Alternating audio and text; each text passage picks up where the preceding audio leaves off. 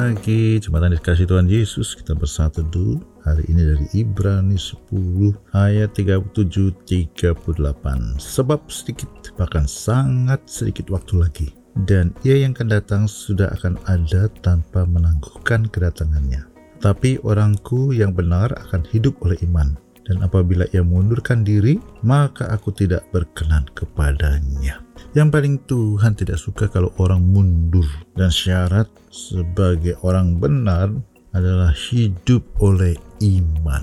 Sebab itu orang yang berkenan kepada Tuhan adalah orang yang bertahan dengan apa yang dia percaya, apa yang dia harapkan sekalipun rasanya kok nggak datang-datang ya, kok nggak terjadi juga ya apa yang dijanjikan oleh firman Tuhan kepada kita. Dan kadang dalam hidup ini sepertinya ya, sepertinya Tuhan sengaja izinkan itu terjadi kepada kita untuk membuktikan iman kita. Sama seperti Abraham harus menunggu 25 tahun sampai dia mendapatkan anaknya. Kalau kita pikir-pikir ya, kenapa nggak langsung aja lah dikasih ya? Tuhan kan maha kuasa Tuhan sengaja membuat orang menderita, Abraham menderita dan Sarah menderita. Apakah begitu?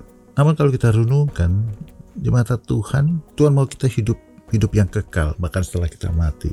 Dan seolah-olah Tuhan tidak terlalu mementingkan ya sukses-sukses sementara di dalam hidup ini yang kita anggap mungkin yang paling penting ya tercapainya cita-cita mendapatkan yang kita inginkan dan segala hal. Bukannya Tuhan menentang itu, tapi yang paling penting bagi Tuhan adalah kita percaya dan iman kita teruji dan kita berkemenangan dalam hal itu. Sebab itu hari ini jika engkau mengalami rasanya kok harus menunggu, itulah ujian bagi kita untuk memiliki iman yang teguh dan kuat. Jangan mundur, maju terus. Tuhan mengasihi.